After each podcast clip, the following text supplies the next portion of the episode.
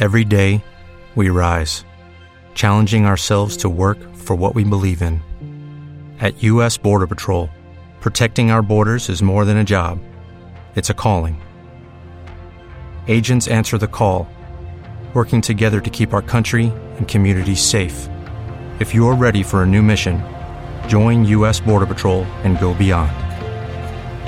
Learn more at cbp.gov/careers. Bona tarda, són dos quarts de nou, comencem al Marca't un canyo.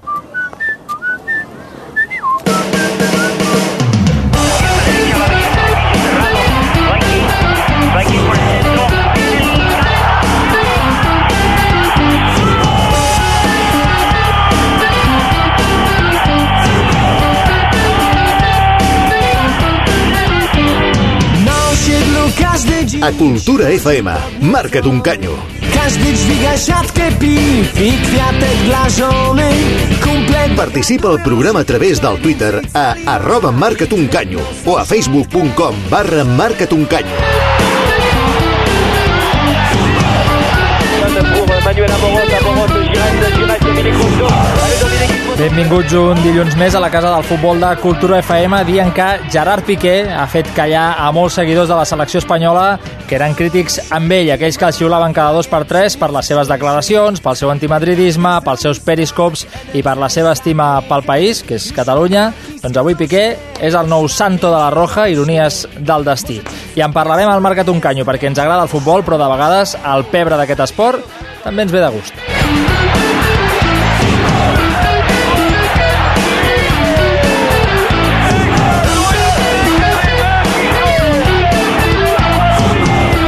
Un pebre que no ens farà oblidar que tenim motius de celebració amb el Girona a tocar de primera, això sí, si supera Osasuna. Analitzarem les opcions dels blanquivermells de cara a aquesta final a doble partit que decidirà quin és el tercer nouvingut a la Lliga BBVA. I per rematar-ho tot, és gairebé estiuet i el mercat de fitxatges no para. Que si Mou vol Berrati, que si Zlatan està dues passes d'Old Trafford, que si el Madrid té reunions amb la gent de Pogba, que si el serial Umtiti continua, mare de Déu. Aquí ho disseccionarem tot, tot i tot. I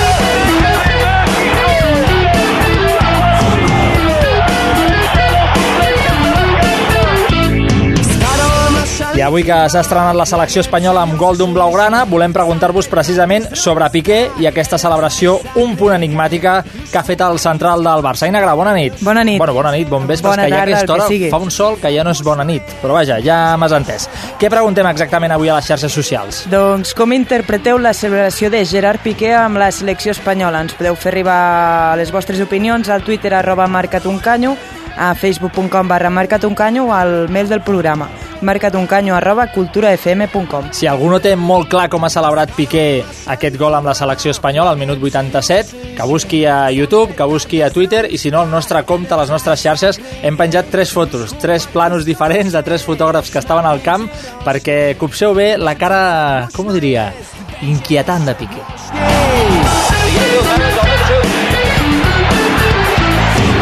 Com sempre, a la redacció i a la producció hi tenim a l'Aina Grau, a l'Oriol Cortés i a la Paula Carreras i als botons al David Gutiérrez Guti. I amb tot ben presentat, resumim sonorament el que ha donat de sí al cap de setmana. Els highlights del cap de setmana.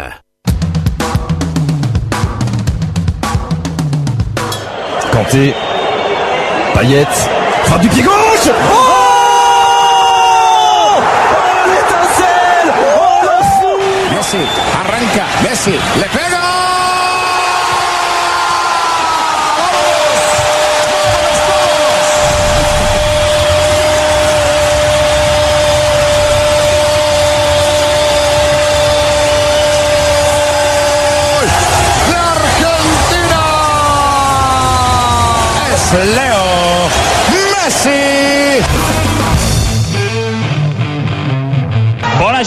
Valentina, entrarà a l'àrea, pot fer la centrada, la rematada, gol, gol, gol, gol, gol, gol, gol, gol, gol, gol!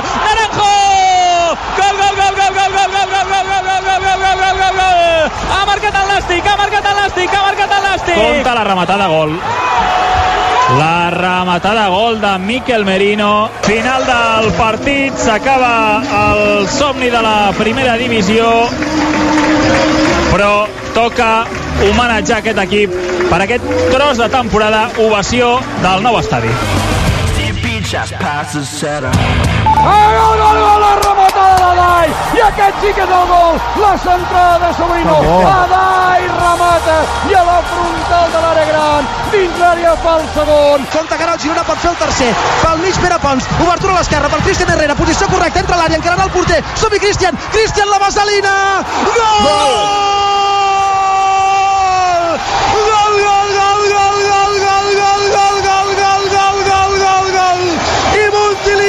s'ensorra! I Montilivi que ho celebra! I Montilivi que es veu a les portes de la gran final per fer realitat el somni d'una ciutat i d'un club de lluitar fins al final per l'ascens a primera divisió.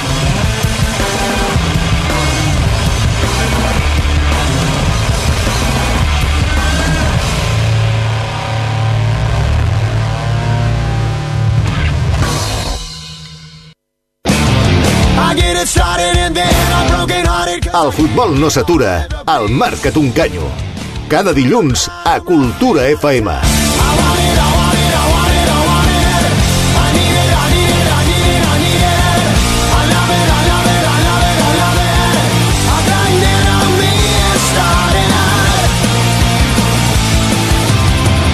Ja tenim a la taula de l'estudi de Cultura FM els tertulians d'aquest vespre amb el Víctor Rodrigo, periodista i redactor de NBA Destiny, membre del programa de ràdio La Terrassa de Ràdio Vic. Bona tarda, Víctor. Bona tarda. Al seu costat, la Clara Marcos, periodista. Bona tarda, Clara. Bona tarda. I a l'altra banda, el Gerard Guardi, periodista que ha passat també per Ràdio Sabadell. Bona tarda, Guardi. Bona tarda, Uri. I, I ben retornat, que ara feia la, la llet que no ens veiem. Sí, feia temps que no ens veiem i bueno, no sóc Gerard Piqué, que és el protagonista del dia, però, però aquí tenim per... Però ets un Gerard. Sí. Que, per això t'hem portat. Ah, Sabíem que Piqué seria protagonista i vam dir, calla, que vingui el Guardi. I amb ells, amb tots tres, atacarem aquest playoff de segona divisió amb el Girona, a dos partits del somni de primera, com dèiem abans. També parlarem de Quique Sánchez Flores, nou tècnic de l'Espanyol, i de les sensacions que genera la seva arribada a Barcelona. I com no, analitzarem l'Eurocopa amb el debut d'Espanya, la celebració, com deia abans, inquietant de Piqué, que ha generat molt de rebombori a les xarxes, i ho tancarem tot plegat, obrint la persiana del nostre Bazar Mercato particular. Tot això i més, fins les 10 de la nit, aquí,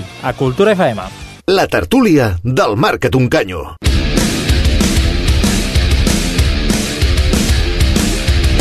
Si vols formar part del nostre debat, pots intervenir-hi a través del Twitter a arroba marcatuncanyo o a facebook.com barra marcatuncanyo.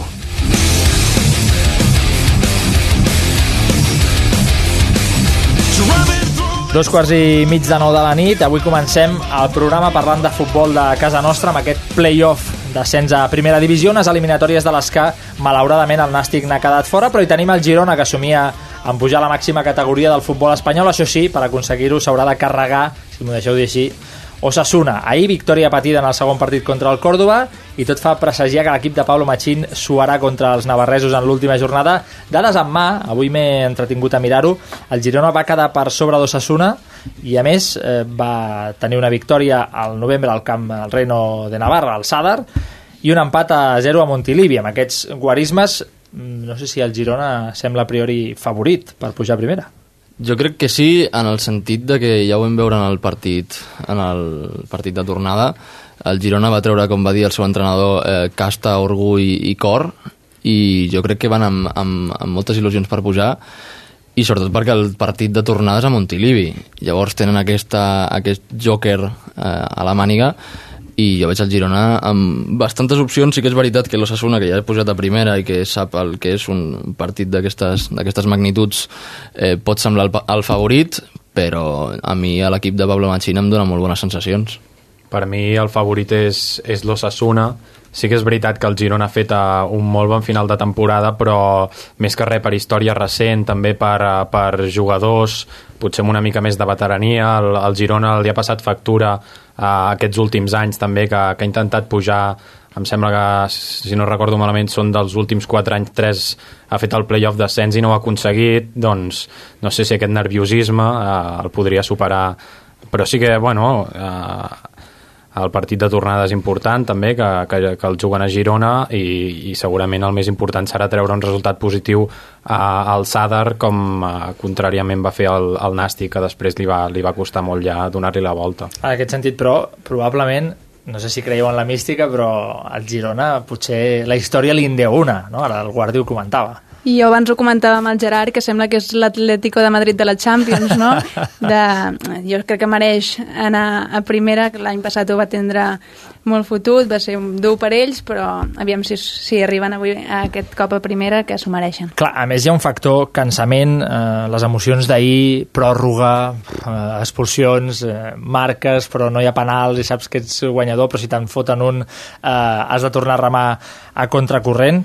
Clar, tot això acumulat, dimecres hi ha l'estrena Montilivi d'aquesta sèrie de dos, pot ser un hàndicap també, o Osasuna ve molt més descansat en aquest sentit. Sí, però és el que dèiem, no? que el Girona ha arribat a fer un final de temporada molt bé físicament, la pròrroga la va aguantar, va, va superar el Córdoba, tot i que és veritat que jugava amb un home de més, i bueno, l'Osasuna doncs és això, no? una mica la, la història recent segurament eh, el pot afavorir d'haver estat a, a primera, eh, té jugadors com el, el, el Merino que, que marxarà al Dortmund, que és una de les perles d'aquest Osasuna, i, i veurem, eh, tocarà esperar, i, i sobretot el que deia, no? repetir, fer, treure un bon resultat del Sadar. És curiós ara que ho apuntes i ara continuem amb el Girona, però Merino al Dortmund, eh, aquest Dortmund que s'està reforçant per quatre duros i, i té jugadors, ni, ni, ni deuen sobrar. Per quatre no duros i xavals de, de 19, perquè ja ha fitxat el turc aquest que està jugant a l'Eurocopa, que es va fer la foto amb Modric com si fos un, un xaval, i ja ho vam parlar l'altre dia amb la fitxatge de Bartra, el Dortmund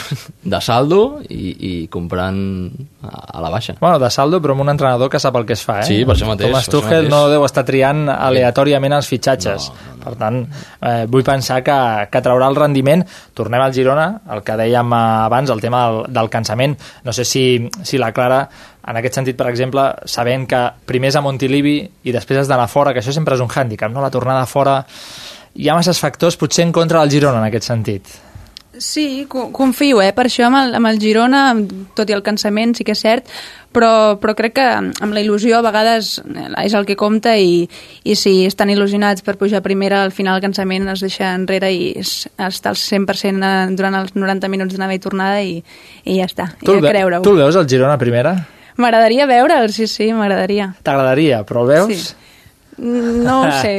Això que deia el meu company el Víctor, de que l'Ossassuna ja, ja hi ha estat, potser és més fàcil veure l'Ossassuna, no? Però, però sí que confio que, que el Girona pot, pot estar-hi. Clar, en aquest sentit, home, és estrany que una, que una comunitat, deixeu-m'ho dir així, tot i que preferiria dir país, però en el sentit lliga és una comunitat com Catalunya, amb només dos equips, quan hi ha Madrid que n'ha tingut molts, eh, País Basc i Navarra que n'han tingut molts, es fa estrany, no? Potser ja va ser hora. Sí, i a més, és el que comentàvem abans, jo crec que el, el Girona té dos factors, que és aquest, el, el que deia la Clara de l'Atlético de Madrid de segona, però jo crec que també té l'experiència de, en la derrota, que tantes vegades ha intentat pujar i se les ha menjat, jo crec que ja arriba un moment que eh, aquesta experiència d'haver fet aquestes eh, promocions d'ascens, no haver arribat jo crec que els ha, els ha guanyat molta experiència, molt saber com, com afrontar aquest nerviosisme, sí que és veritat que tenen els fantasmes darrere l'orella, però jo després de la gran remuntada que van fer contra el Córdoba i sobretot aquest, aquest, aquest ímpetu que tenien,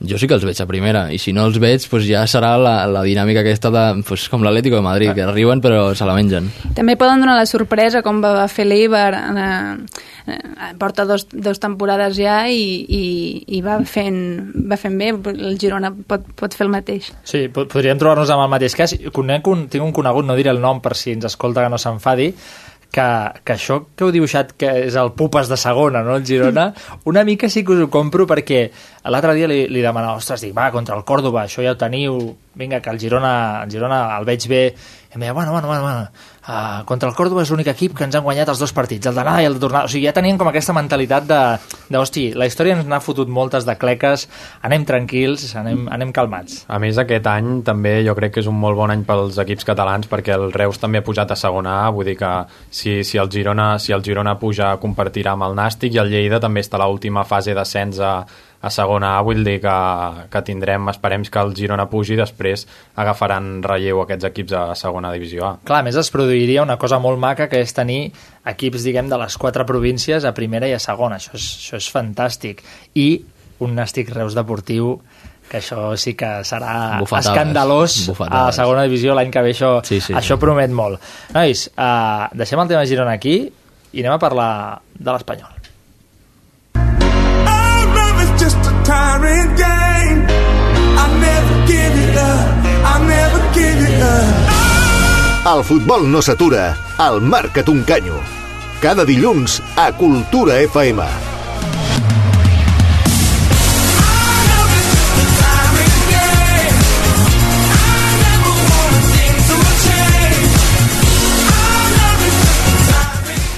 Aquest eh, migdia s'ha presentat Quique Sánchez Flores com a nou tècnic de l'Espanyol, un entrenador que ve de fer una gran temporada a la Premier amb el Watford i que encapçalarà un projecte ambiciós amb la caixa plena gràcies a Mr. Cheng. El propi Sánchez Flores ha dit en sala de premsa eh, al Cornellà al Prat que, arribarà, que arriba perdó, al lloc idoni a on volia. Siento que en el español es un lugar, tal y como me explicaron el proyecto Ramón y tal y como me lo explicó eh, Ángel Mr. Chen, es el lugar ideal para, para construir. Això sí, té molt clar com vol que jugui el seu espanyol, tot i que la seva filosofia pot tenir matisos en funció dels noms que arribin. Nosotros tenemos la, la idea definida siempre de ser un equipo equilibrado entre defensa y ataque, un equipo que, que sea capaz de, de jugar bien al fútbol, pero básicamente al final dependeremos de la, de la plantilla que seamos capaces de, de confeccionar, porque eh, finalmente todo lo que hagamos está representado por los futbolistas y en eso es nuestro compromiso de darle al español y a la afición del español lo, lo mejor posible que esté en nuestro alcance.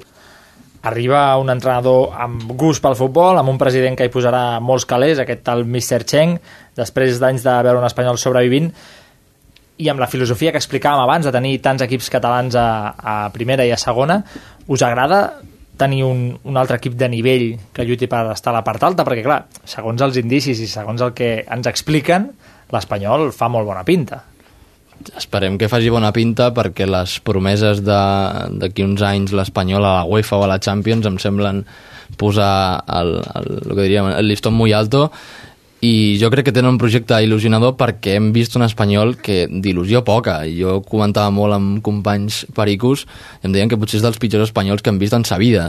Llavors, clar, és il·lusionador mm, construir un nou projecte i més amb un entrenador com Quique Sánchez Flores, però jo crec que la plantilla s'ha de renovar molt i depenent dels fitxatges, perquè l'Espanyol ha fet alguns fitxatges en, les, en els últims anys que estaven bé, però que no han acabat de funcionar per la plantilla, un, un espanyol que cada dos anys va renovant jugadors, i jo crec que s'hauria de formar una plantilla estable i mantenir un projecte, perquè no pot ser que cada dos o tres anys l'Espanyol canvi de projecte i s'estavelli cada dos per tres.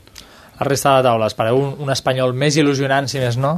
Jo et dic, Uri, sóc un expert en, en inversions La cara- asiàtiques. la cara ha pagat ara mateix del Guardi. Sí, perquè el Sabadell ja, ja l'hem patit, aquestes inversions, en aquest cas xineses, del Sabadell van ser japoneses, i bueno, jo més que res diria que esperar a veure com, com va aquest projecte. Sí que és veritat que és il·lusionant. A nosaltres allà al Sabadell també ens el van vendre així. És veritat que són casos diferents hi ha, hi ha grans diferències però bueno, jo uh, diria precaució pels aficionats de l'Espanyol i, i d'aquí dos anys ja en tornarem a Però parlar us van fer un mural molt maco, no? Amb uns dibuixos tipus Sí. campeones, Oliver sí, i Benji, el, aquella el, cosa... sí, sí, sí. En, ens van prometre que en 4 anys jugaríem la, la Champions. Eh, sí, ja. I ara estem a punt de desaparèixer. eh, D'acord, aquest és el tema. No, no, Ja és, eh, fem, fem cunyeta, però és prou trist. Eh, En tot cas, si més no, Mr. Cheng sembla que va fort. Això sí que ho té. Va fort econòmicament, sobretot, però, però sí, jo crec que més il·lusionant que, que el que hem vist fins ara sí que hauria de ser-ho. Aviam quins fitxatges arriben, aviam si... si doncs això, si les expectatives eh, es fan realitat. Clar, mm, l'Espanyol s'ha de... Teneu-me l'expressió, eh? s'ha de refundar com a equip, no, no com a club. Eh? Diguem que si ara mires l'alineació, probablement construirà en base a un solar. Això, en certa manera, tampoc és dolent per Quique Sánchez Flores. De vegades és millor començar de zero amb la teva idea i mira, el que arribi arriba i més o menys m'ho faig jo, que no passar-te com a Galca, que va arribar, es va trobar allò de Sergio González, que no sabien bé com I va agafar-ho. portar Arlauski, Arlauskis Ar encara... Arlauskis, eh, co- correcte. No, clar, és que poca broma. A Galca Sí, no, se l'han menjat, però, però és que el que ell va recollir i, i el que va portar tampoc va ser Era millor. poc i menys. No, no, a, a, a, això, és, això és ben cert, però al final la reflexió que us volia fer és que eh, Quique Sánchez Flores està acostumat a dur equips petits i fer-los treballar bé, equips mitjans també els ha fet treballar prou bé com el València en la seva època és veritat que ha tingut altres fracassos, però vaja, jo crec que per un espanyol que vol aspirar a estar a dalt, estic amb tu, Víctor, que aquestes coses, quan parlen d'Europa League és quan eh, Sempre que parlen d'Europa és, és, el, és el síndrome espanyol. Comencem a parlar d'Europa i ens en, se'n van casa segona. No, no, això t'ho compro completament, però vaja, fa bona pinta, ja que l'és, Barcelona es mereix tenir dos equips uh, lluitant i no un equip lluitant sempre per estar en un i l'altre lluitant per, per no caure al pou, per tant, la cosa pinta bé, però no ho deixem aquí perquè acabarem el repàs a la presentació de Quique Sánchez Flores a l'Espanyol, que ha dit que, tot i que té clar com vol jugar, que és el que escoltàvem en l'anterior tall, no amaga, òbviament, que quan calgui l'equip sabrà variar el pla habitual de joc. Queremos eh, acertar con ese tipo de jugador comprometido, ideal, de la buena mentalidad y futbolísticamente seremos un equipo adaptable. Y quiero decir adaptable, tendremos nuestra seña de identidad, pero reconociendo la humildad de que habrá equipos mejores en la competición y para eso tendremos que adaptarnos a las circunstancias. Por lo tanto, buscaremos un equipo sólido que a la vez sea eh, adaptable a, las circunstancias que nos vaya proponiendo la, competición. I aquí ve la gran pregunta. Serà capaç Quique Sánchez Flores, el nou tècnic de l'Espanyol, de fer tot això que ha explicat a la sala de premsa? Home, és que a mi, a mi em sobta molt això d'equipo de, sòlido quan, és el que he dit abans, l'Espanyol eh, va canviant de plantilla cada dos o tres anys i és el que comentava jo amb molts companys pericos, que l'Espanyol s'ha basat sempre en els seus èxits quan tenia una plantilla formada molt sòlida i que sí que han passat dos o tres anys en les penúries, però la van conformant, ja fos en els temps de De La Peña, Luis García i tota aquesta gent, i fins i tot al final amb Sergio García però és que a mi em sobta això de, de buscar aquest equip quan la, la defensa la tenen molt dolenta, la porteria no saben ni què estan fent, un jugador com Marco Asensio que vol tornar al Madrid i a l'Espanyol li anava molt bé. Clar, a mi el que em fa por, que és el que comentava abans el, el Gerard, eh, com va passar amb el Sabadell que ve la, la, la, la inversió asiàtica, que passi com en altres casos de, de primera divisió me'n recordo del, del Màlaga, inversions així que funcionen molt bé, és com una droga et dura dos o tres anys i després t'estampes a mi em fa por d'això de l'Espanyol. A mi m'agradaria un espanyol que, que conformés a poc a poc, encara que aquest any no es mengessin res, i això dels 3-4 anys a Europa, bueno, si són 5 o 6 no passa res, però que vagin consolidant a poc a poc, que tampoc busquin ara que quedar cinquen, cinquens o sisens a, a, a la Lliga. Sí, sobretot que, que Quique consolidi un estil de joc i, i, en, i en relació a aquest estil doncs, que fitxi jugadors de, del, del perfil al, al qual vol jugar soc molt de la pinta que feia Quique Sánchez Flores avui al migdia a la ciutat... No, perdó, a Cornellà del Prat, perquè ha fet la presentació a Cornellà del Prat. No sé si l'heu vist, si heu vist fotos a, a Twitter, busqueu-les, sí. perquè l'home eh, porta una barba tipus nàufrago, molt abundant. L'han pescat d'una illa. Sí, eh, allò amb el cabell una mica blanc, llavors el, el cabell de dalt, vull dir, no el de la barba, molt llarg, com, com mal pentinat, llepat per una vaca, una cosa molt, molt estranya, espero que, que li sigui eficaç, que entri sí. al vestidor i digui, senyores, si no quieren acabar així, eh, corren, no? Sí. Tomen en serio. En fi, eh, tanquem la carpeta blanc i blava, li desitgem el millor, òbviament, a Quique Sánchez Flores i a l'Espanyol la temporada que ve, i obrim la vermella per parlar de l'estrena de la selecció espanyola a l'Eurocopa.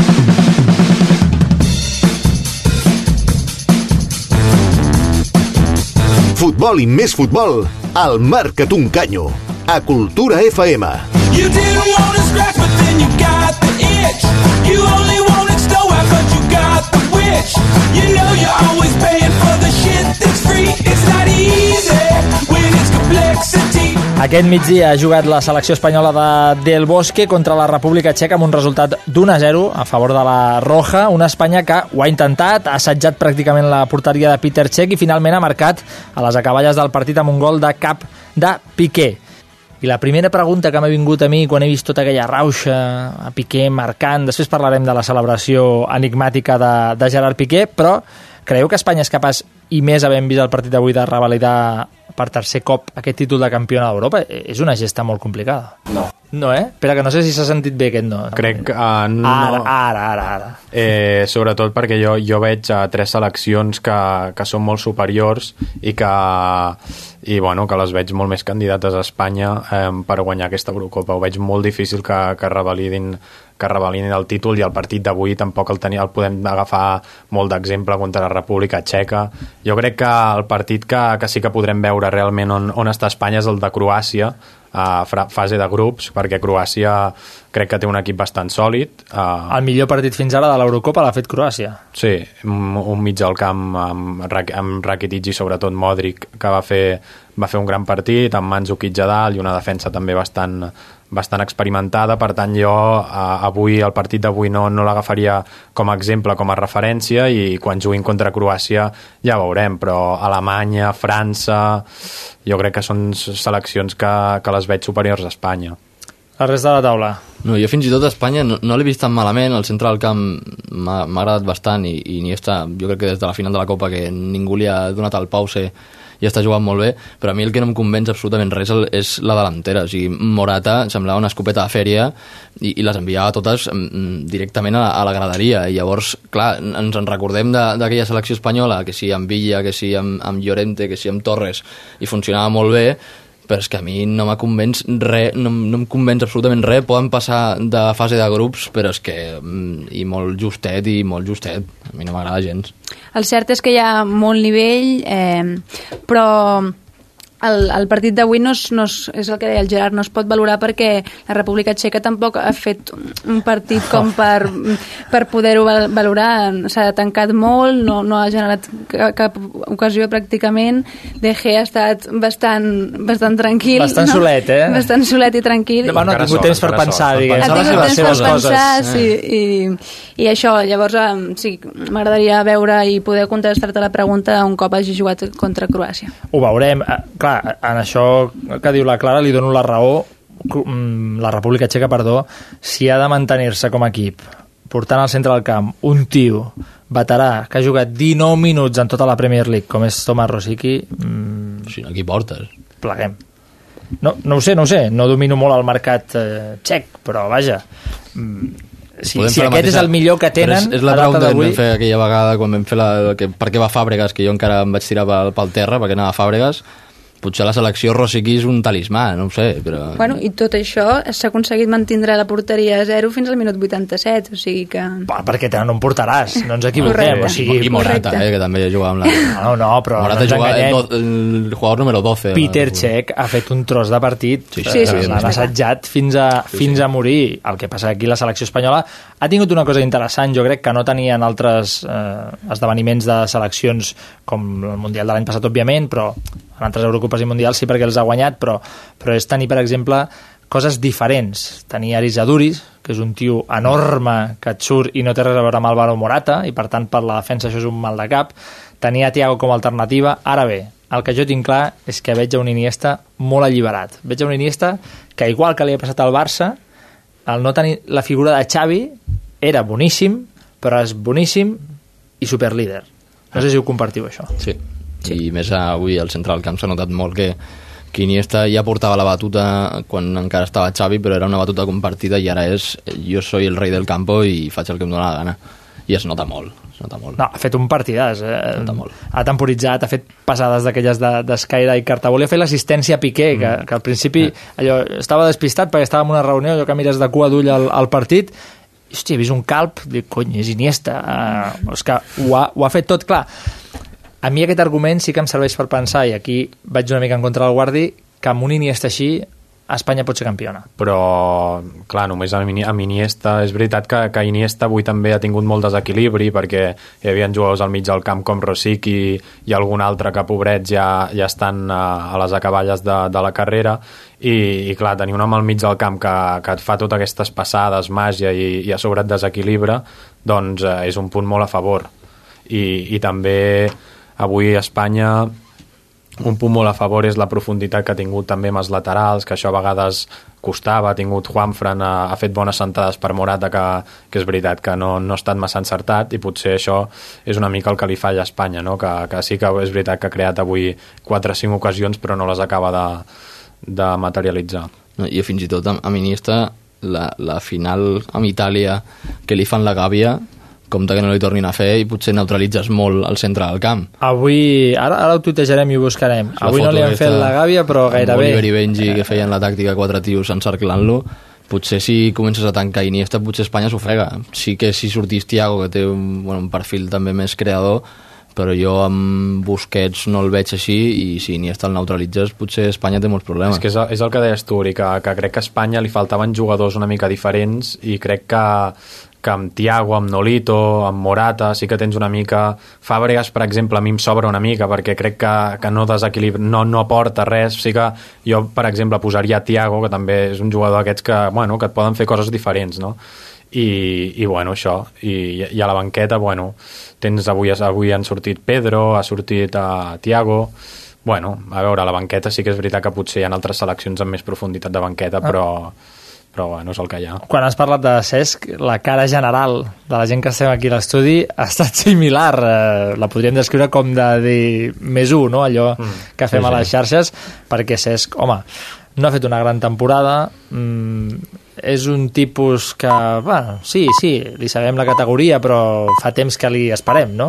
Suposo que també, com que va venir el Barça i, i no va fer el que la gent esperava d'ell, també suposo que el, el mirem amb més lupa. Sí, i un altre jugador diferent també d'aquests que parlàvem, que, que s'ha quedat fora, és Saúl, no? que potser hagués pogut entrar perquè Saúl ha fet una magnífica temporada i sí que va sobtar una mica que quedés fora de la convocatòria i, i bueno, també podria portar coses diferents que, que Cesc, però Cesc potser uh, bueno, uh, Del Bosque sempre hi ha comptat molt i és un, un pes pesant, si es pot dir així, de, del vestidor d'Espanya, no? Sí, però jo això del pes pesant, si és per la plantilla, el deixes de, de, de suplent i ja sortirà, o si fa pinya, pues que la faci des de la banqueta però a mi és que Cesc m'aporta el mateix que una planta al, camp. És que no és que és veritat, ni més un tio que, que al Chelsea aquesta temporada no ha, fot, no ha fet res, bueno, res entre, entre cometes i quan si deixes fora a Saúl o a Isco que Isco tampoc és que hagi sigut un gran titular però almenys donar-li aquesta oportunitat que no ha guanyat relativament res amb Espanya i Cesc sí doncs jo crec que hauria sigut molt millor, alternativa, molt, molt millor alternativa un, un, un Isco que, que no pas Fàbregas. Jo el que li agraeixo a Cesc en el partit d'avui és la, la salvada que ens ha fet en aquell gol que De Gea semblava que no arribava, però, però a part d'això sí que estic d'acord amb els meus companys que hi trobaria una altra, una altra solució en aquest jugador. És que a més, a Cesc, perdona Víctor que t'interpel·li, però o el portes per ser titular o no el portes de suplent, perquè no crec que ho encaixi molt bé. No, no el veig un home d'equip. Bueno, pues que s'ho mengi, és, és que, clar, si, si és, si és aquest pes pesant, jo, jo ho puc entendre, però que sortia titular i aquesta època que moltes vegades se li nota cap a finals de temporada i, i ara més que, que és estiu i la, a l'Eurocopa Fàbrega sembla que sortia amb menys revolucions que els altres. I a mi un jugador que surt aquí perquè són campions de l'Eurocopa dobles campions i van a, i van a intentar revalidar el títol eh, no, no accepto que surti així. A part, clar, és que Cesc no, no, no podem dir que sigui un jugador revulsiu, per tant, si el tens a la banqueta és com no tenir-lo, perquè, clar, molt, abans posaries a Lucas Vázquez, que sí que et pot moure una mica el partit, a Nolito, Tiago... Clar, Cesc com a revulsiu no el veig, llavors és això, o el poses i juga de titular o, o es, que, es, que es quedi a casa. No, no, és, és així. Ara, línia per línia, òbviament, són jugadors cansats, òbviament són jugadors ja plens, diguem, ja no tenen aquella fam, però línia per línia déu nhi la selecció espanyola. Té els dos millors centrals de l'Eurocopa, o, o com a parella, si més no, no, no sé si m'ho compreu, són la millor parella de centrals que hi ha ara mateix a l'Eurocopa, al mig del camp, Busquets, Iniesta, Silva, vaja, eh, on he d'afirmar? A la PlayStation jo els posaria ja, si fes allò modo leyendes, no sé com ni diuen, que et fas tu l'equip, mm. els fitxaríem segur.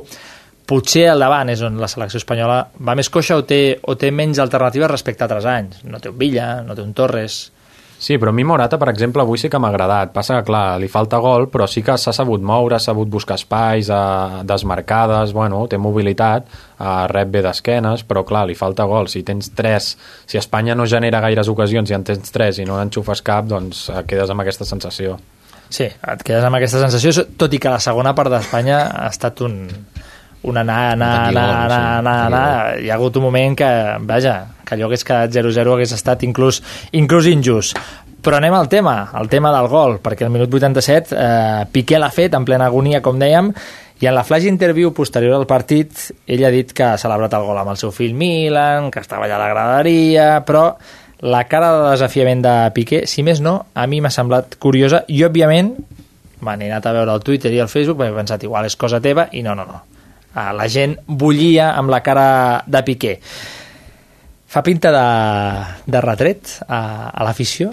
ha callat boques totalment a, tots els que el, a tota l'afició que, que el pitava perquè si no haguéssim perdut 3 punts i, i Piqué eh, si, si no se li pot dir que, que no dona la cara per la selecció, sigui independentista o no ho sigui. Llavors, eh, ha callat boques a tota l'afició que el pitava s- claríssimament. Ara, ara, si em deixeu un moment, continuem, però és que l'Aina Grau m'ensenyava de sota mà un tuit del mateix Gerard Piqué de fa una estoneta. Sí, amb la foto de Sergio Ramos sobre d'ell celebrant el gol, eh, el tuit diu, supongo que no hace falta decir nada más, tres punts suspensius, somos un magnífico equipo, un gran día para todos.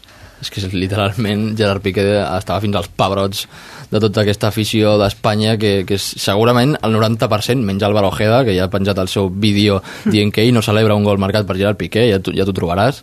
Tot el 90% d'aquests aficionats que xiulaven segur que han saltat celebrant el gol. Llavors, Piqué és un gran professional, tingui la ideologia que tingui, tingui els, val els valors polítics que tingui o el que sigui, però ell si ha de, ha de jugar al camp de futbol és un dels millors professionals que té Espanya. I llavors Correcte. això està fins als pebrots i que, que el deixin en pau.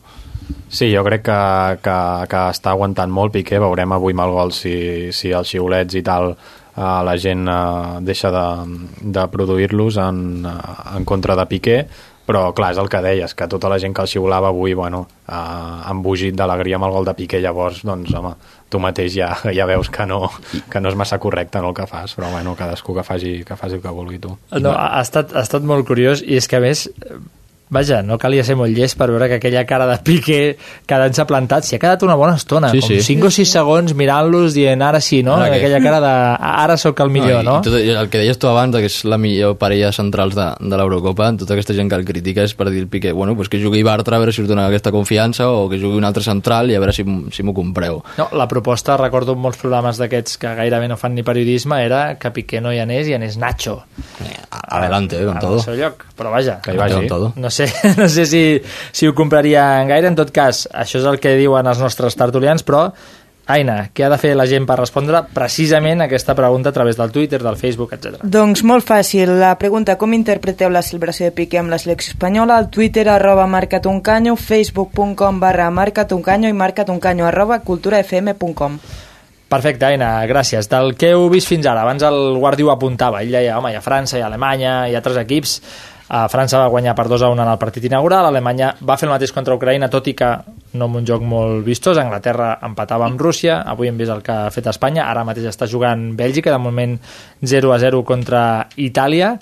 Teniu algun favorit? O, o seguim com la setmana passada que en aquesta taula tothom deia ah, no hi ha un favorit clar, no puc apostar...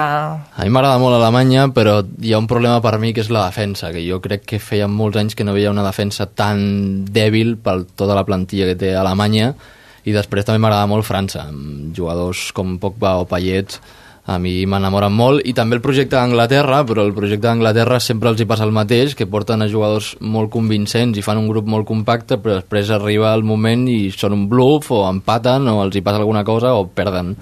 Llavors és el que menys confiança em genera i després jo tinc una gran debilitat per Bèlgica a mi Bèlgica ojalà guanyi l'Eurocopa Bueno, això al final, els favorits, al final no se sap si... si tin, sempre s'ha dit que, per exemple, Espanya pot ser un favorit i al final pues, el Mundial pues, va caure eliminada molt, molt d'hora, no? no? No vull pensar en, en favorits perquè al final llavors surt malament el, el que vull, no? Però bueno, sí que és veritat que Alemanya, França, Espanya inclús també eh, apunten maneres. Eh, bueno, per mi crec que Alemanya sí que potser és la que sobresurt una mica tot i que és veritat el que deia en defensa, que hi ha jugadors que, que no donen la talla, sobretot els laterals, però també el que m'ha sorprès molt Croàcia, perquè Croàcia tenia, tenia jo en la ment que només eren Rakitic i Modric al mig del camp i tot l'altre no, no, no servia per res, i tot el contrari, el lateral dret Serna un grandíssim lateral, els dos centrals eh, amb molta experiència, Mandzukic a dalt, que sempre és una garantia, Perisic, que Perisic molta que, que va, va, va fer un, un autèntic partidàs l'altre dia, però clar, no ho sé, no, em falta veure també, m'agradarà veure Bèlgica, que potser també pot ser una de, de les sorpreses, amb jugadors joves i tal, i, i bueno, jo de moment em quedaria amb Alemanya. En tot cas, el que no, no pot negar ningú és que hi ha varietat, perquè inclús Itàlia, que no té grans noms, eh, us recordo, i ho dèiem també la setmana passada, la Itàlia de fa 4 anys, que ningú en donava un duro, i es va acabar plantant a la final, sí, després l'Espanya la va, va polejar i tot el que vulgueu. Però, però van estar allà, per tant ens espera, ara ja queda menys d'un mes, però, però una competició molt, molt, molt interessant. Per cert, no sé si vau estar atents ahir al Turquia-Croàcia, amb aquesta victòria que ens comentava el Guardi per 0-1 amb golàs de, de Modric, Vull repescar dos moments. El primer és més anecdòtic. No sé si heu pogut veure l'actitud correcta, l'actitud del defensa quan xuta Modric, pentinant-se, diguem, la Malena per sortir bé a la foto. És un gest d'agrair, suposo, per tots els turcs que els seus defenses vulguin sortir bé a la, a la foto, però l'altre, sense tanta conya, és que Arda Turan va haver de demanar disculpes pel seu rendiment al, al final del partit. I aquí em assalta un dubte. I és si el problema és d'Arda perquè no té confiança, perquè no té minuts al Barça, perquè no és tan bo com ens pensàvem per equips de gran nivell? Bueno, per mi, la, abans de, així en general, la gran decepció per mi és Turquia, que m'esperava molt més i, i va ser, van fer un partit bastant desastrós. I tema Arda, doncs sí, potser li falta confiança, però bueno, clar, és que amb l'Atlètic de Madrid clar, era un joc tan diferent que el veies que, que allà pues, sí que tenia cabuda i tal, i era un dels jugadors que despuntava, després pagues 42 milions, que bueno, eh, segurament un preu, un preu massa elevat i no pots jugar durant els primers sis mesos i, i després doncs et passa això. L'Eix Vidal, clar, és, també podem comparar una mica amb la situació de l'Eix Vidal i ens podem adonar que potser sí que aquests sis mesos han passat molta factura a aquests dos jugadors. No, I jo fins i tot, clar, jo, el tema Arda Turan, que el tema del fitxatge és per, és per matar-nos durant una setmana, però el tema d'Arda Turan, clar, una cosa és la situació de clubs i després la situació amb, amb la selecció. Jo, jo Arda Turan, amb Turquia, jo considerava que ell és el capità, ja té molta experiència jugant amb la selecció, amb Turquia ha fet molts bons partits i ha tingut bons resultats, i clar, això de la confiança dins d'una selecció, jo no ho consideraria culpa de, de que no ha jugat molt al Barça, sinó que per si mateix, mm, com a grup Turquia, s'esperava molt d'ells, però jo crec que va ser més mèrit de Croàcia que els hi va passar per sobre, que no pas de Turquia, que tampoc plantejava ningú recurs absolutament de res. Llavors, si tu ja surts amb això, pues, a pentinar-te mentre, mentre xuten pilotes, que no pas a, a jugar al primer partit de l'Eurocopa, te les acabes menjant. Però és que Turquia no té equip. Per això mateix. Depenen d'Arda.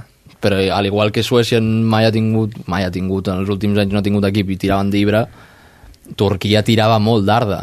I llavors, si ja ni Arda ni ningú acompanya, doncs, bueno, adeu. Jo crec que la falta de confiança al fi al cap seria com una excusa, no? perquè sí que és cert que no ha tingut una bona temporada, que li ha faltat molt, molt joc, no, no ha tingut l'oportunitat, diguéssim, o la confiança de Luis Enrique, però llavors no, no, no pot ser una excusa per no, no rendir a la selecció, no? Al fi i al cap eh, és un professional i, i ha, de, ha de fer el millor possible per, per tirar la selecció endavant i sent el capità, pues...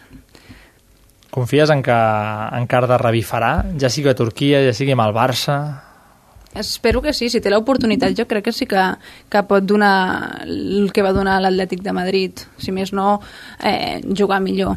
Clar, aquí hi ha una qüestió molt de confiança, de coco.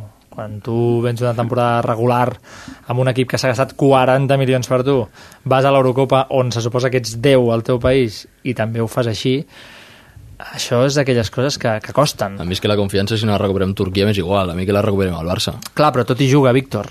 No, no, sí, sí, no, estem, això, estem això és com aquell que diu que, home, jo prefereixo que Messi no guanyi la Copa Amèrica perquè així torna abans. Ja, però és que quan Messi guanya un títol amb la seva No, selecció, torna i rebenta uh, la següent temporada amb el Barça.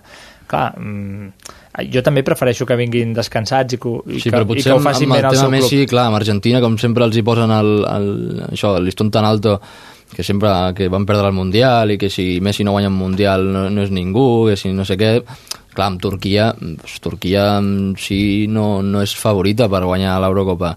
Sí que pot fer bons resultats però a mi si Arda i Turquia mm, acaben eliminats de la fase de grups relativament és igual i prefereixo que Arda es concentri en el club i faci aquest rendiment necessari pel, pel Barça i després dels 40 milions ja és que ja, ja toca Sí, totalment, que, que jo, jo, jo diria que segurament l'eliminaran a fase de grups, llavors que, que s'agafi uns, unes vacances, no sé si merescudes o no, i després que torni per fer la pretemporada amb el Barça, que, que segurament serà important de cara a l'inici de temporada. Per cert, vaig amb l'última de tema seleccions, però canviarem de competició, però abans acabo de veure a internet un retall que ha fet Zlatan aquesta tarda en l'Irlanda 1, Suècia 1, que agafeu Twitter, ara quan anem a la musiqueta de separador, i us ho mireu. És que al·lucinareu. Va, us faig l'última, perquè la notícia del dia, però, a banda de l'Eurocopa, s'està jugant aquesta Copa Amèrica del, del centenari, és el nou fracàs històric de Brasil que ha caigut eliminada de la Copa Amèrica en la fase de grups clar, Dunga ha dit per activa i per passiva que no és que hagin perdut per futbol, sinó que hi ha hagut injustícia. Òbviament, és clar, un cop veus les 400 repeticions del gol de, del futbolista peruà, de Rui Díaz, crec que es, dic, o, mm. crec que es diu, um, però clar, l'altre és si les desgràcies venen soles. No, és que jo crec que hi ha dos factors. El primer és una vergonya que aquell, que aquell gol entri al marcador, i més quan el Díaz marca el gol i comença a riure's i es riu, i totes les càmeres ho veuen que riu, i després li pregunten i diu, no, no, jo no, no, no sabia. No, no sabies el, el gol. I després Li la... con el muslo, sí. és la seva declaració a la Flash Interview. El, el segon factor, que molt Brasil, molt Brasil, injustícia, però és que no heu sabut marcar ni un gol i la selecció no funcionava i, bueno, faltava Neymar, sí, tot el que, el que vulguem però Brasil no pot caure així d'aquesta manera contra Perú per molt que et marquin amb el colze, amb el cul o amb, però el problema amb el quin braç. és? És Dunga, són els futbolistes? Jo crec que Dunga i els futbolistes en, en conjunt. Jo, a mi la selecció de Brasil no em convenç per res. I amb l'entrenador Dunga encara menys. Jo crec que és un còctel que no funciona absolutament per res. I, I més partint la selecció, no? Perquè hi ha jugadors que no hi han anat perquè ara ve els Jocs Olímpics, com Neymar, Coutinho, em sembla que tampoc, i clar, eh, tantes competicions doncs, eh, passen factura també, però, però bueno, clar, si no fas ni un gol és que sí, on vols anar amb això? Ah, ara és quan aniran als Jocs Olímpics i fotran el torneig de la seva vida, tot i que no seran els mateixos futbolistes, però, però vaja, com si, com si olorés. Deixem el futbol de seleccions aquí, si us sembla, i marxem eh, corrents cap al Mercato, que ens agrada.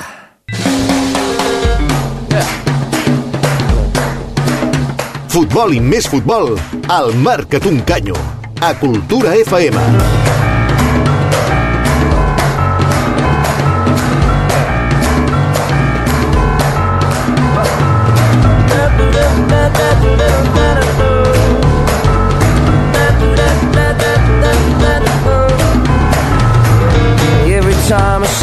Written on your mind. I turn away and drop my gun. Nine horse will be the leader Passen dos minutets d'un quart de nou de la nit, hora de repassar el que ha donat de si al basar del futbol.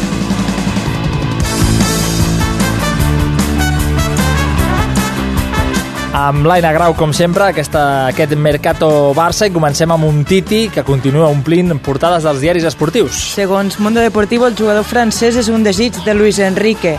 El tècnic asturià valora el seu potencial defensiu, així com també la polivalència del jugador, ja que banda de central també pot jugar com a lateral esquerre. A banda del Barça, el Chelsea i l'Arsenal també hi estarien interessats. I mentrestant, el Barça B, Sergi Samper, pendent de la renovació i de sortir cedit. El Barça busca repetir la fórmula de Denis Suárez i Alen Halilovic. El club laurana vol que Samper tingui oportunitats i minuts en un equip de primera divisió per després tornar al Camp Nou. A Sporting, Villarreal o València podrien ser els clubs que acollissin el jugador de la Masia. A Madrid, reunió imminent entre Marota, i el Real Madrid. Diverses informacions apunten a que el fitxatge de Paul Pogba pel Club Blanc serà un fet, un fitxatge que rondarà ni més ni menys que els 100 milions d'euros i del que només falta decidir-ne el salari del jugador. De moment avui ha sortit un nou nom en aquestes negociacions, el de l'alemany Toni Kroos, a qui la Juventus voldria incloure l'operació ja que és un jugador que agrada Massimiliano Allegri pel mig del camp. Una Juventus que, per cert, ha fitxat a Pjanic de la Roma. El jugador que en temporades anteriors havia estat a l'òrbita del Barça ha passat la revisió mèdica amb la Juve aquest matí. Mourinho, protagonista un dia més de les portades esportives. Segons sembla, el tècnic portuguès estaria disposat a oferir 100 milions pel fitxatge de Marco Berratti. Vinga. El Manchester de moment ja ha tancat la, contracta la contractació d'Eric Bailey per 40 milions i s'espera que a finals de mes es faci oficial l'arribada de Zlatan Ibrahimovic. A aquestes arribades, Mourinho espera afegir-hi la del migcampista del PSG, Marco Berratti. I el Manchester United, que deu tenir una caixa inacabable. Però vaja, deixem de jugadors perquè el Sevilla ha fet oficial la marxa d'Unai Emery. El tècnic que ha portat el Sevilla a la glòria de l'Europa League diu adeu al club sevillista després de tres temporades. El seu destí podria ser ni més ni menys que el PSG. Mentrestant, el club andalús negocia amb Jorge Sampaoli. I tenim una última hora que ens arriba via Twitter als companys del diari Esport. Exacte, l'Aport, un dels noms que sonava per reforçar el City de Guardiola, no podrà ser perquè ha renovat amb l'Atlètic de Bilbao aquesta mateixa tarda, tal com ha anunciat el Club Basc. Per tant, si algú tenia alguna possibilitat o li venia de gust que l'Aport fitxés pel seu club, que s'hi vagi posant bé, o que pagui la clàusula insultant que deu tenir ara mateix aquest futbolista jove de l'Atlètic de Bilbao. 50 Perfecte. milions d'euros. 50 es confirma, eh, que es mantenen els, els 50, ha renovat l'aport. Vaja, una ganga no seria, precisament. Per cert, deixeu-me fer un apunt ara tornem al mercat de fitxatges perquè el Víctor em passava una altra nota, avui esteu molt proactius amb el Twitter, trobo, eh, m'agrada molt. Uh, Mundo Deportivo acaba de publicar res fa escassos 5 minuts una notícia que diu Blatter reconoce que existen bolas calientes en los sorteos y subtitula El exmandatario dice que este mecanismo en la FIFA nunca ha ocurrido, que també dius, coi, a la teva no, però que a nivell europeu sí. Si voleu, us llegeixo dos paràgrafs molt resumits. Diu, el expresidente de la FIFA, Josep Blatter, ha conce- ha concedido una entrevista al diario argentino La Nación en la que ha dejado dos confesiones destacadas. En la primera se, deza- se deshace, perdón para el en elogios hacia Messi por encima de Cristiano Ronaldo y en la segunda reconoce que existen las bolas calientes en los sorteos. Asegura que, claro que es técnicamente posible, no existe en la FIFA, pero fui testigo de sorteos a nivel europeo en los que sucedió, pero nunca en la FIFA. Claro que se puede hacer, pero en mi caso jamás. Voleu, voleu, voleu més? És que té una altra frase que m'agrada molt i per això he fet aquesta pausa. Diu, se ponen las bolas en el congelador y la mera comparación entre unas y otras al tocarlas ya determina, ya determina las bolas frías y las calientes. Al tocarlas ya se sabe quién hay en la bola. Que per boles calentes els seus collons, com diu això? O sigui, home, Víctor. perdona, perdona, no, però és que és el que tu deies abans. Ca- però és que a mi- calma, a mi em entenc la indignació, ràbia això però calma. De, de, no, en la FIFA nunca, no, jo he sido testigo, però has sigut testigo, has fotut la mà, saps que jo eren boles calientes, com ho saps, això? És expresident de la FIFA, no expresident de la penya de, del joventut, o sigui, a, algo saps. O no? A mi, a mi això em fot bastanta ràbia, però bueno, a Blatter ja no, Clar, no li però, en tot cas ja. que hagi fet aquestes declaracions en aquesta entrevista, mm, això serà un caldo de cultiu divertit. Els propers dies ens sentirem a parlar tot això. Sí, sí, vull dir, va, de Blatter tampoc em sorprèn res ja, però, però sí que és veritat que, home, són, tots els titulars que deixa són uh, d'allò de, de, bueno, d'això de, importants, importants. Anem al mercat de fitxatges, si us sembla.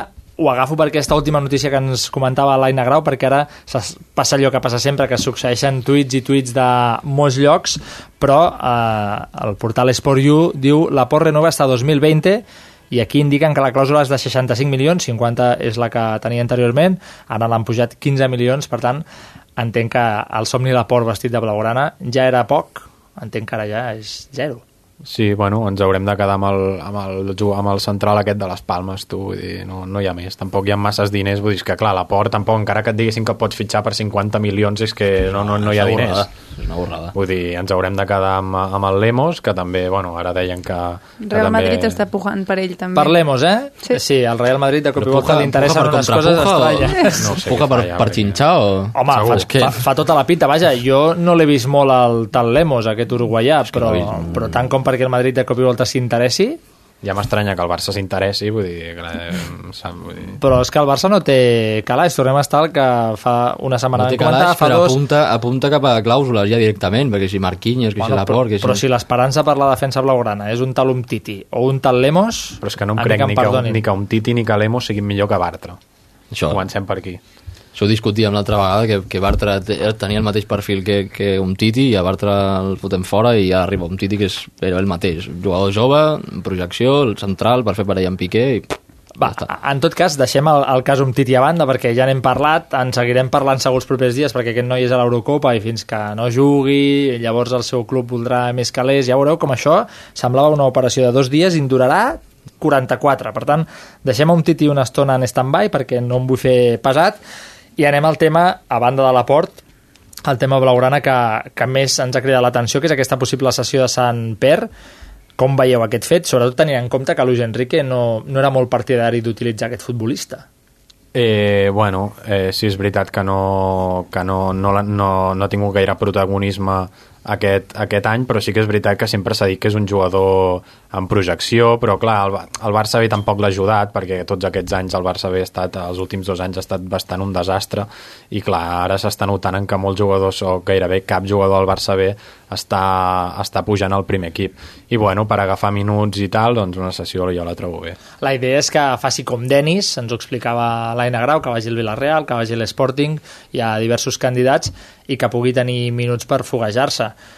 En tot cas, convindreu o coincidirem aquí que Per, segons ens han explicat sempre, és l'esperança del Barça al mig del camp, per tant, convé no deixar-lo escapar. Sí, fins i tot, jo fa escassos dies Ramon Bés escrivia un article al País que destacava això, no? la, la crisi de, de la Masia, que deixes marxar aquestes perles i aquests projectes de futur per anar a buscar fora el que ja tenies dins i la mala gestió pròpia de la Masia, perquè portem unes quantes generacions de jugadors de la Masia que semblen un bluff i jo crec que no eren un bluff però s'ha gestionat molt malament perquè Sant Pere és, és un perfil d'un jugador que podria estar perfectament al primer equip guanyant minuts a, a l'estil de com molts clubs europeus fan, anar-los pujant i donar-los confiança, però hi ha un Luis Enrique que ja tenia experiència amb aquests jugadors i si no el confia ni ell, doncs jo ja veig que l'única solució perquè un jugador com Samper tingui minuts i pugui, i pugui millorar la seva, la seva tècnica, la seva projecció, és marxant fora, però és que a mi em sap molt greu que jugadors com Sampers marxin fora o fins i tot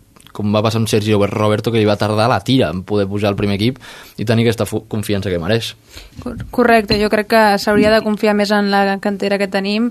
La Masia crec que té un nivell molt bo i i igual que s'ha confiat ara en aquesta última temporada amb Sergi Roberto, crec que s'hauria de confiar més amb la Masia Bartran. Crec que és una injustícia que, que marxi sense haver tingut minuts aquesta temporada i amb Samper crec que no està malament la idea de que, de que marxin per, per agafar minuts, per agafar competició en la, en la Lliga però, però crec que sí que haurien de, de, de tornar. Per cert, faig un, uh, un breu incís sobre una altra qüestió perquè uh, s'ha anunciat que Josep Maria Bartomeu sortirà ara, d'aquí escassos 3 minuts, a, a una compareixença a dos quarts de 10 per anunciar com què ha decidit aquesta Junta Extraordinària que tenien avui sobre el cas eh, Neymar, sobre aquest cas en què eh, s'ha exonerat els dos presidents, l'anterior i l'actual, que tenien a veure amb el cas Diz i Neymar, i el club, com a persona jurídica, mm, se li imputa un possible delicte. Rossell sabem on és o no? Està aquí o està vivint ja a Brasil? uh,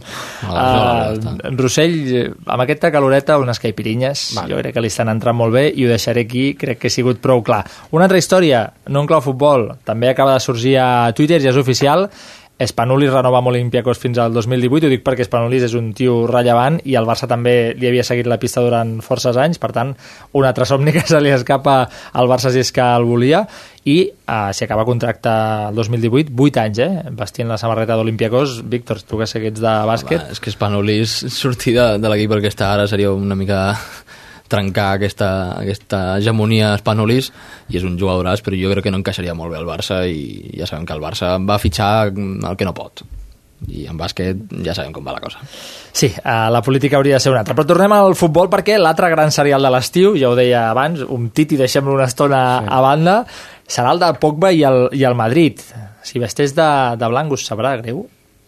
Ho dic, ho dic perquè Pogba era no? com, com la nova esperança, no? com dir, va, aquest és el que hem d'anar ara, no? Tothom volia Pogba. Sí, amb el Barça és veritat que, que sempre dic que en aquests últims dos anys que ha anat darrere seu, uh, però clar, uh, parlem de xifres de 100 milions d'euros uh, ara mateix impossibles pel Barça i tampoc crec que el jugador ho valgui perquè, a veure, sí que hem vist bons partits però tampoc crec que sigui un jugador tan contrastat i consolidat com perquè el seu preu sigui de 100 milions d'euros. No, I fins i tot jo mai, mai havia vist que, que Pogba tingués o sigui, allò, altres poss possibilitats de venir al Barça i amb, amb això, aquestes informacions del Real Madrid ja he llegit que, que pel mig està implicat Isco, que en, Isco entraria en aquest, en aquest fitxatge i que Isco marxaria a, a la Juventus. I a mi em sap fins i tot més greu per Isco, que podria haver acabat al Barça, que vagi al Madrid i després el Madrid se'n vagi. O sigui, a mi poc va 100 milions, no em convenç per res. Ah, però la Juve ja ha dit que no, que no vol escorrialles, eh? Que no, que no vol les sobres, que vol bueno, a cross Isco, i 100 quilos. Isco sobres... No, no, no. La Juve ha deixat clar, els seus representants han dit que Isco i no sé qui era l'altre jugador que els oferien no els vol no vol els descartes, vol a Toni Kroos i 100 milions. I si és això bé, i si no és això, uh, malament. Home, tontos del tot no són. Home, no són, però no. també dir que que són sobres, no sé. Ens queden dos minutets de, de res per parlar de Mercato, però és que no vull deixar de mirar a Europa i en concret al United, perquè abans l'Aina ens ho explicava i han pescat a Bellí per 40 milions, probablement eh, segueixi Ibra properament cap, a, cap al Teatre dels Somnis, cap al Trafford, i ho volen rematar amb Marco Berratti, 100 milions, diu Mourinho, que està disposat a, a pagar per, per el jugador italià del PSG ara mateix, que tremoli Guardiola, no? Home, sí, però, aquest, però d'on treuen els diners aquesta gent?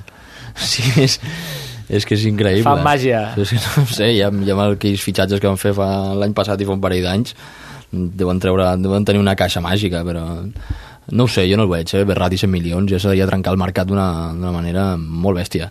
Bueno, si se n'ha d'anar al PSG no, no en demanarà pocs, tampoc. No, tampoc, però tampoc et pots plantejar pagar 100 milions per, per Berratti. Val que el United pot ser que li s'obri la pasta, però 100 milions. Jo no sé si és estratègia de Mourinho o no, però parlar de Ballí, parlar de Berratti, parlar d'Ibra la mateixa setmana fa trempar qualsevol.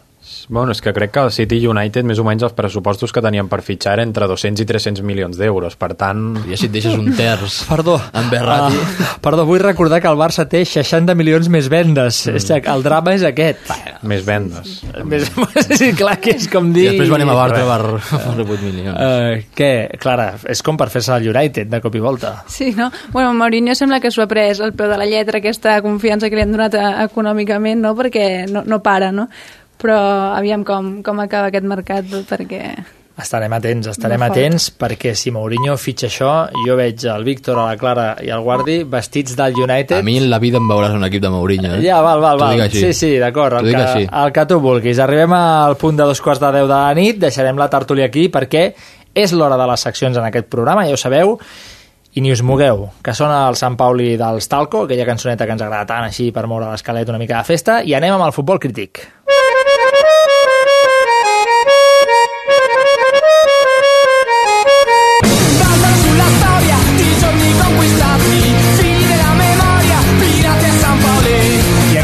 Nit ja corren per l'estudi de Cultura FM els nois de Futbol Crític. Ja sabeu, aquesta secció que hem inaugurat fa poques setmanes, una secció que ens porta una visió diferent del futbol. Ells són el Noel Eduardo. Bona nit, Noel. Hola, bona nit, Turi. I el Jordi Sureda. Bona nit, Jordi. Bona nit. Avui ens porteu una entrevista que li heu fet a Natàlia Arroyo, entrevista enorme, entrevista en profunditat, i l'hem dividit en dos parts. Avui, la primera part sobre el Barça i el periodisme actual, és així?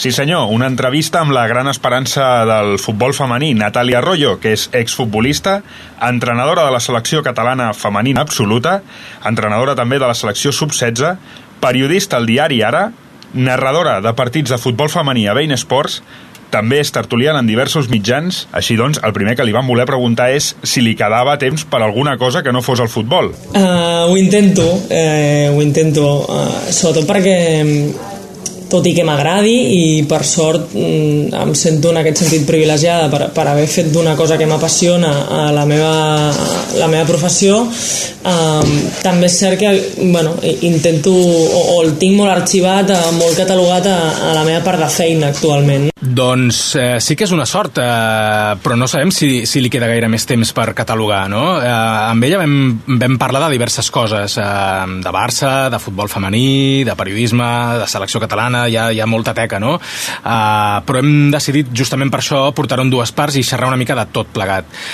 Avui, avui tractarem la vessant periodística i parlarem també d'aquest monstre, no?, que és el Barça. Per començar, parlarem d'una cosa que tots els amants de l'esport consumim, que és el periodisme esportiu. En quina situació es troba ara mateix? S'està buscant, jo crec. Eh, jo sóc molt nova, jo he vingut aquí amb un, amb un panorama molt, molt actual i reconec que tampoc he sigut una persona eh, que hagi que hagi tingut excessius eh, referents. No, no, no, he, no he vingut a, o no he aparegut aquí per imitar a ningú, no he, vingut a, no he vingut aquí amb ganes de fer el que feien o com ho feien alguns altres i per tant a vegades sento que, que, que vinc molt de zero, no? vinc de Mart, depèn de com, i, però sí que és cert que sobre aquesta realitat doncs actualment estem en un procés ja no del periodisme esportiu sinó del periodisme en general que s'està acabant de revisar està acabant de veure com l'impacte internet en això com l'impacte el fet que, que la gent estigui deixant de consumir les coses des dels aparells habituals.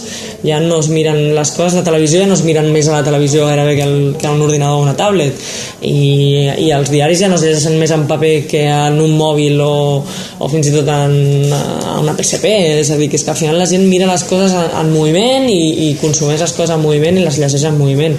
Una bona lectura, la de la Natàlia Arroyo sobre el periodisme actual, però encara heu anat més enllà hem anat més enllà i és que últimament, eh, tots ho hem vist, els vestuaris d'equips de primera divisió s'han convertit en un búnquer inexpugnable, moltes vegades per culpa de les eh, estratègies de comunicació, a vegades per responsabilitat de l'estaf tècnic, sigui com sigui, per exemple, el Barça ha evitat que els aficionats tinguessin accés als jugadors durant els desplaçaments.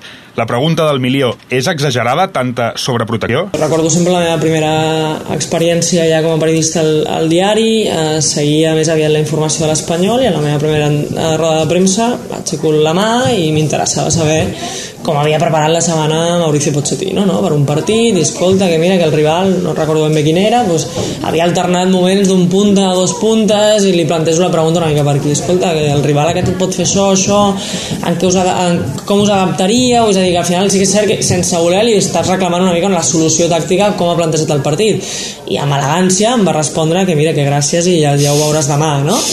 i i allà em, vaig començar a plantejar exactament què és el que jo volia treure si volia treure, o sigui, si, si li feia una pregunta per curiositat d'entrenadora si li feia una pregunta perquè realment això era molt determinant per enfocar la meva prèvia i exactament on m'estava ficant no? si m'estava ficant en, en desvelar un, un secret o què perquè més una altra, una altra de les mancances diguem, o, o, de, o dels problemes d'avui dia és que els periodistes esportius solen estar molt al cantó d'alguns clubs i d'això també en vau parlar amb la Natàlia Sí, exacte, això és el que li vam voler preguntar, no? Veiem que hi ha periodistes, especialment els que són potser més mainstream, no? Eh, que es posicionen a favor, molt clarament a favor d'un club o d'un altre, i de fet eh, és estrany trobar un periodista esportiu que no coixegi no? d'una banda o d'una altra.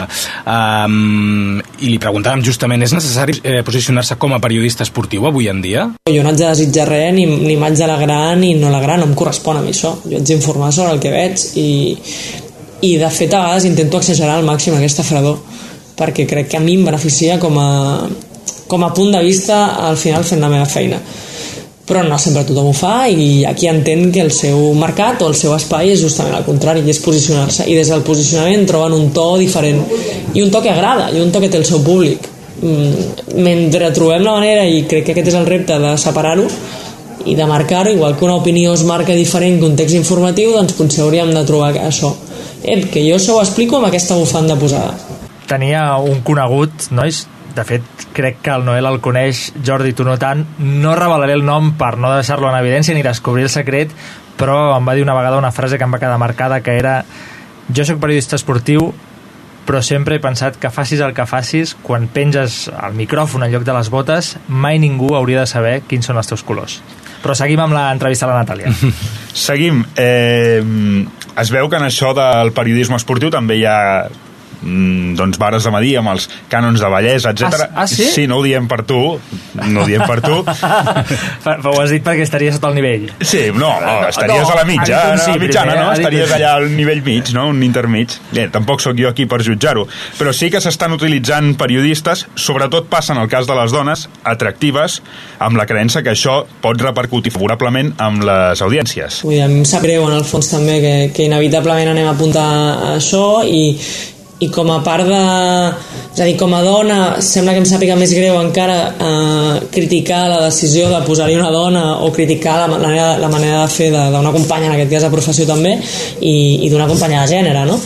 Però, però encara hi ha molta feina per fer per, per realment ubicar les persones mm, pel seu mèrit professional, que al final és pel que haurien d'estar allà i no per, per un altre mèrit.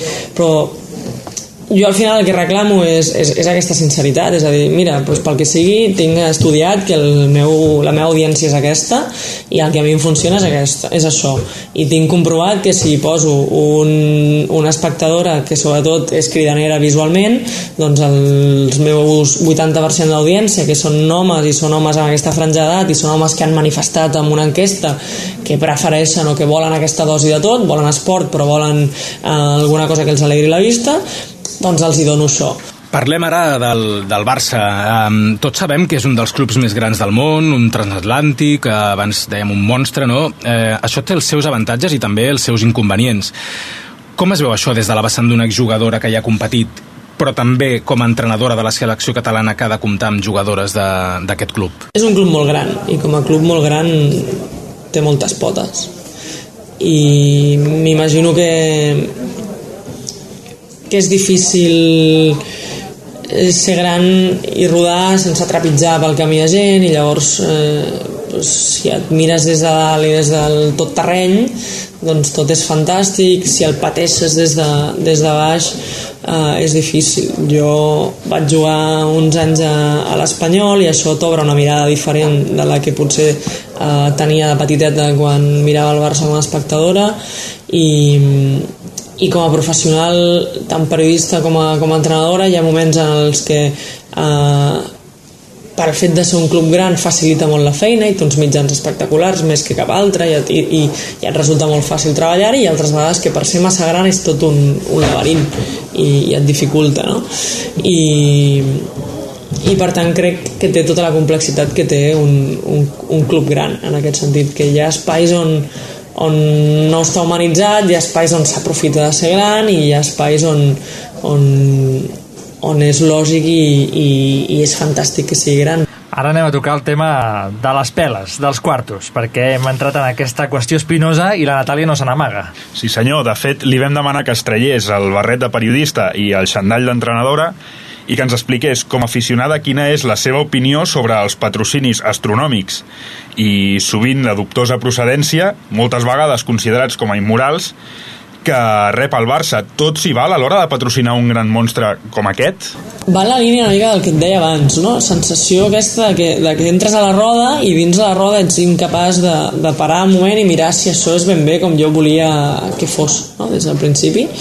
I, i econòmicament sembla que, que, que si no t'agafes aquesta roda que et porta aquí, que és igual i que, i que tant és d'on vinguin els diners perquè en necessito molts perquè si no no puc competir amb aquesta, amb aquesta amb aquests altres que tenen tants altres milions i potser no tenen tanta necessitat de mirar d'on els tenen i que no han lligat la seva eh, el seu sentiment de club a una identitat i a uns valors. Si si acceptes això de manera innegociable doncs probablement acabis agafant-te qualsevol cosa i acabes, acabis refredant en aquest sentit uh, a mi, jo no he sigut gaire amant mai de, de fer bandera de que guapos somos i quins valors tan fantàstics eh, tenim, això sempre, sempre he sospitat d'això perquè totes aquestes coses sempre t'acaben girant en contra tard o d'hora la manera que, que patinis i, i li ha passat al Barça alguna vegada. Mm, però sí que m'agradaria que, que es trobessin fórmules igualment milionàries, però potser una mica menys milionàries, que fossin eh, de consens més general, no? i que en aquest cas a més no fossin conflictives i que no, i que no estiguessin venint d'un país on que tampoc és una, una realitat que jo conegui amb, amb, amb cap mena de profunditat, però que lògicament en el pitjor dels casos o en el petit dels casos no està respectant molts dels valors que tu vols representar com a institució i això seria corregible i aquí no em val l'argument econòmic, no em val Natàlia Arroyo, que no s'encalla ni una, Noel, però, però encara va respondre més coses. Oh, tant, sí, sí, li vam preguntar també eh, sobre... Vaja, arrel d'un tuit que va fer, que ara us direm li vam voler preguntar sobre la remor que genera el periodisme esportiu i com, afecta el, com aquest afecta els jugadors. No? Eh, a vegades ens preguntem els, si els periodistes són conscients de les, de les repercussions del que diuen. El tuit en qüestió deia literalment això Uh, em pregunto quina responsabilitat tenim els que opinem del Barça en el seu estat de desconfiança, en els seus dubtes, en la seva por, i tot això venia després d'unes setmanes en què el Barça va patir aquesta sèrie de derrotes consecutives eh, després de 30 no sé quants partits eh, sense perdre. 39. Jo a vegades tinc la sensació que, o sigui, que el que escrius ha de tenir una intenció per ajudar anímicament el club. Quin club? No em paga a mi el club vull jo, no, jo no escric perquè el Barça guanyi o si el Barça guanya intento explicar per què ha guanyat i si perd intento explicar per què ha perdut.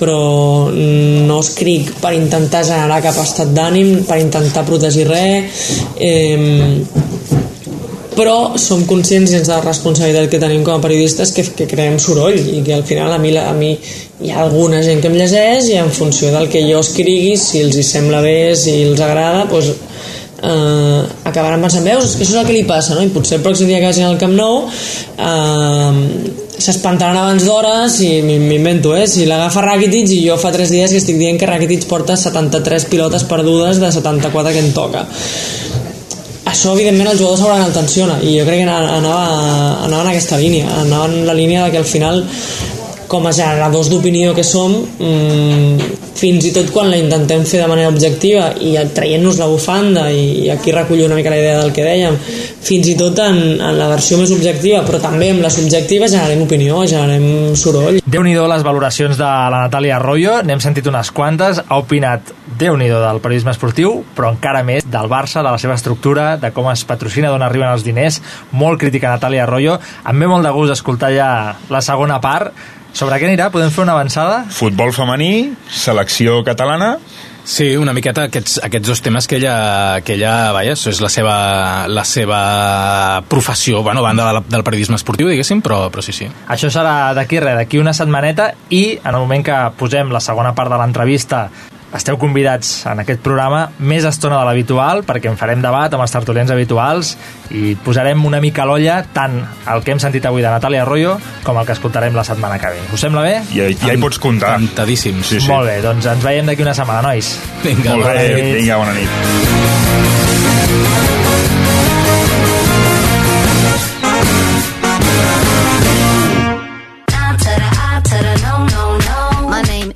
No, my is no. Esteu escoltant el Marca't un canyo a Cultura FM. I avui la rúbrica és d'un periodista tot terreny, el coneixereu sobretot perquè fa premsa escrita, però quan surt a la ràdio i a la tele ve de gust escoltar el cap d'esports de La Vanguardia. Amb tots vosaltres... La firma de... Hola, sóc el Joan Josep Pallàs de La Vanguardia. En ras i curt us diré que el Barça té feina aquest estiu, sobretot en defensa. La baixa de Bartra ha de ser coberta i el millor candidat ara mateix és un Titi i amb això quedarien quatre centrals, Piqué, Mascherano, Matier i el francès i per mi ja seria suficient perquè Vermaelen no és, no és fiable.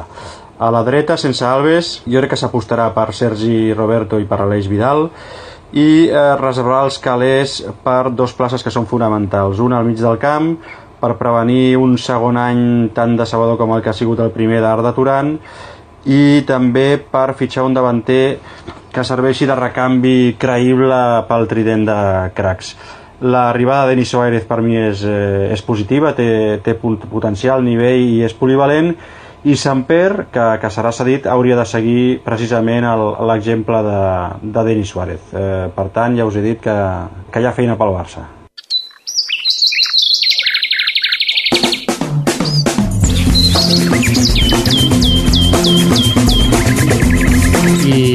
Ara toca fer allò de l'aina, de llegir tuits, de llegir Facebooks, de llegir de tot, però farem, com es diu en castellà, un alto en el camino, una aturada, perquè Josep Maria Bartomeu ja ha aparegut davant dels mitjans per explicar com ha anat aquesta junta directiva extraordinària i l'Aina Grau té uns quants titulars per resumir la situació. Sí, primer de tot, amb aquesta junta ordinària, la junta de directiva del Barça ha acceptat el, pas que, el pacte amb la Fiscalia pel cas Neymar per 14 vots a favor, dos en contra i dos abstencions.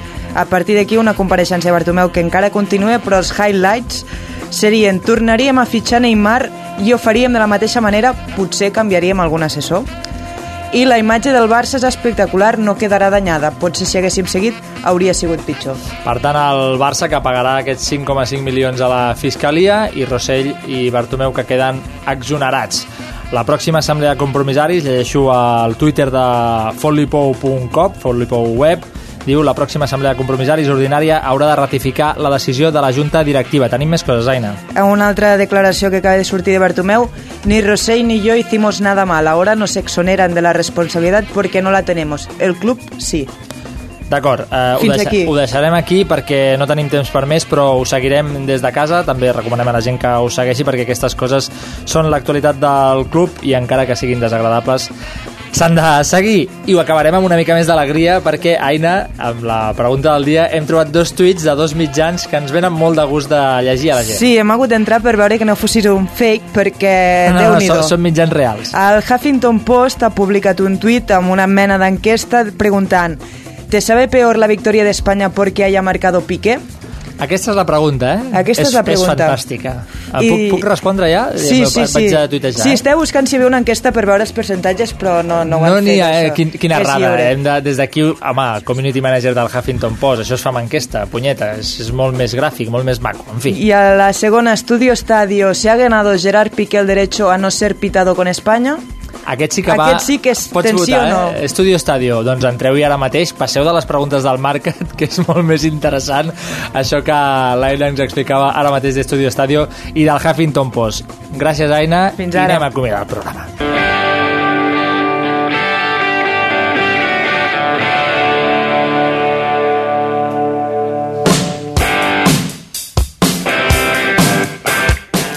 El descans del Bèlgica-Itàlia. Per Bèlgica, Víctor, em sap greu. Gol de Jacquerini pels italians per la selecció de Conte. Ho deixarem aquí de moment i en el programa posem punt i final a aquest 31è marcat de la temporada. Dilluns que ve més i probablement millor o no, no ho sé, perquè aquesta gent que hi havia avui s'ho han currat molt. Gràcies una nit més a la redacció d'aquest Marcat un canyo, a l'Aina Grau, a l'Oriol Cortés, a la Paula Carreras i al Guti a la part tècnica i com no els tertulians, el Víctor Rodrigo, la Clara Marcos i el Gerard Guardi. Com diu el foraster, són molt bona gent. I els de casa, com sempre, que tingueu una bona setmana i que el futbol us acompanyi.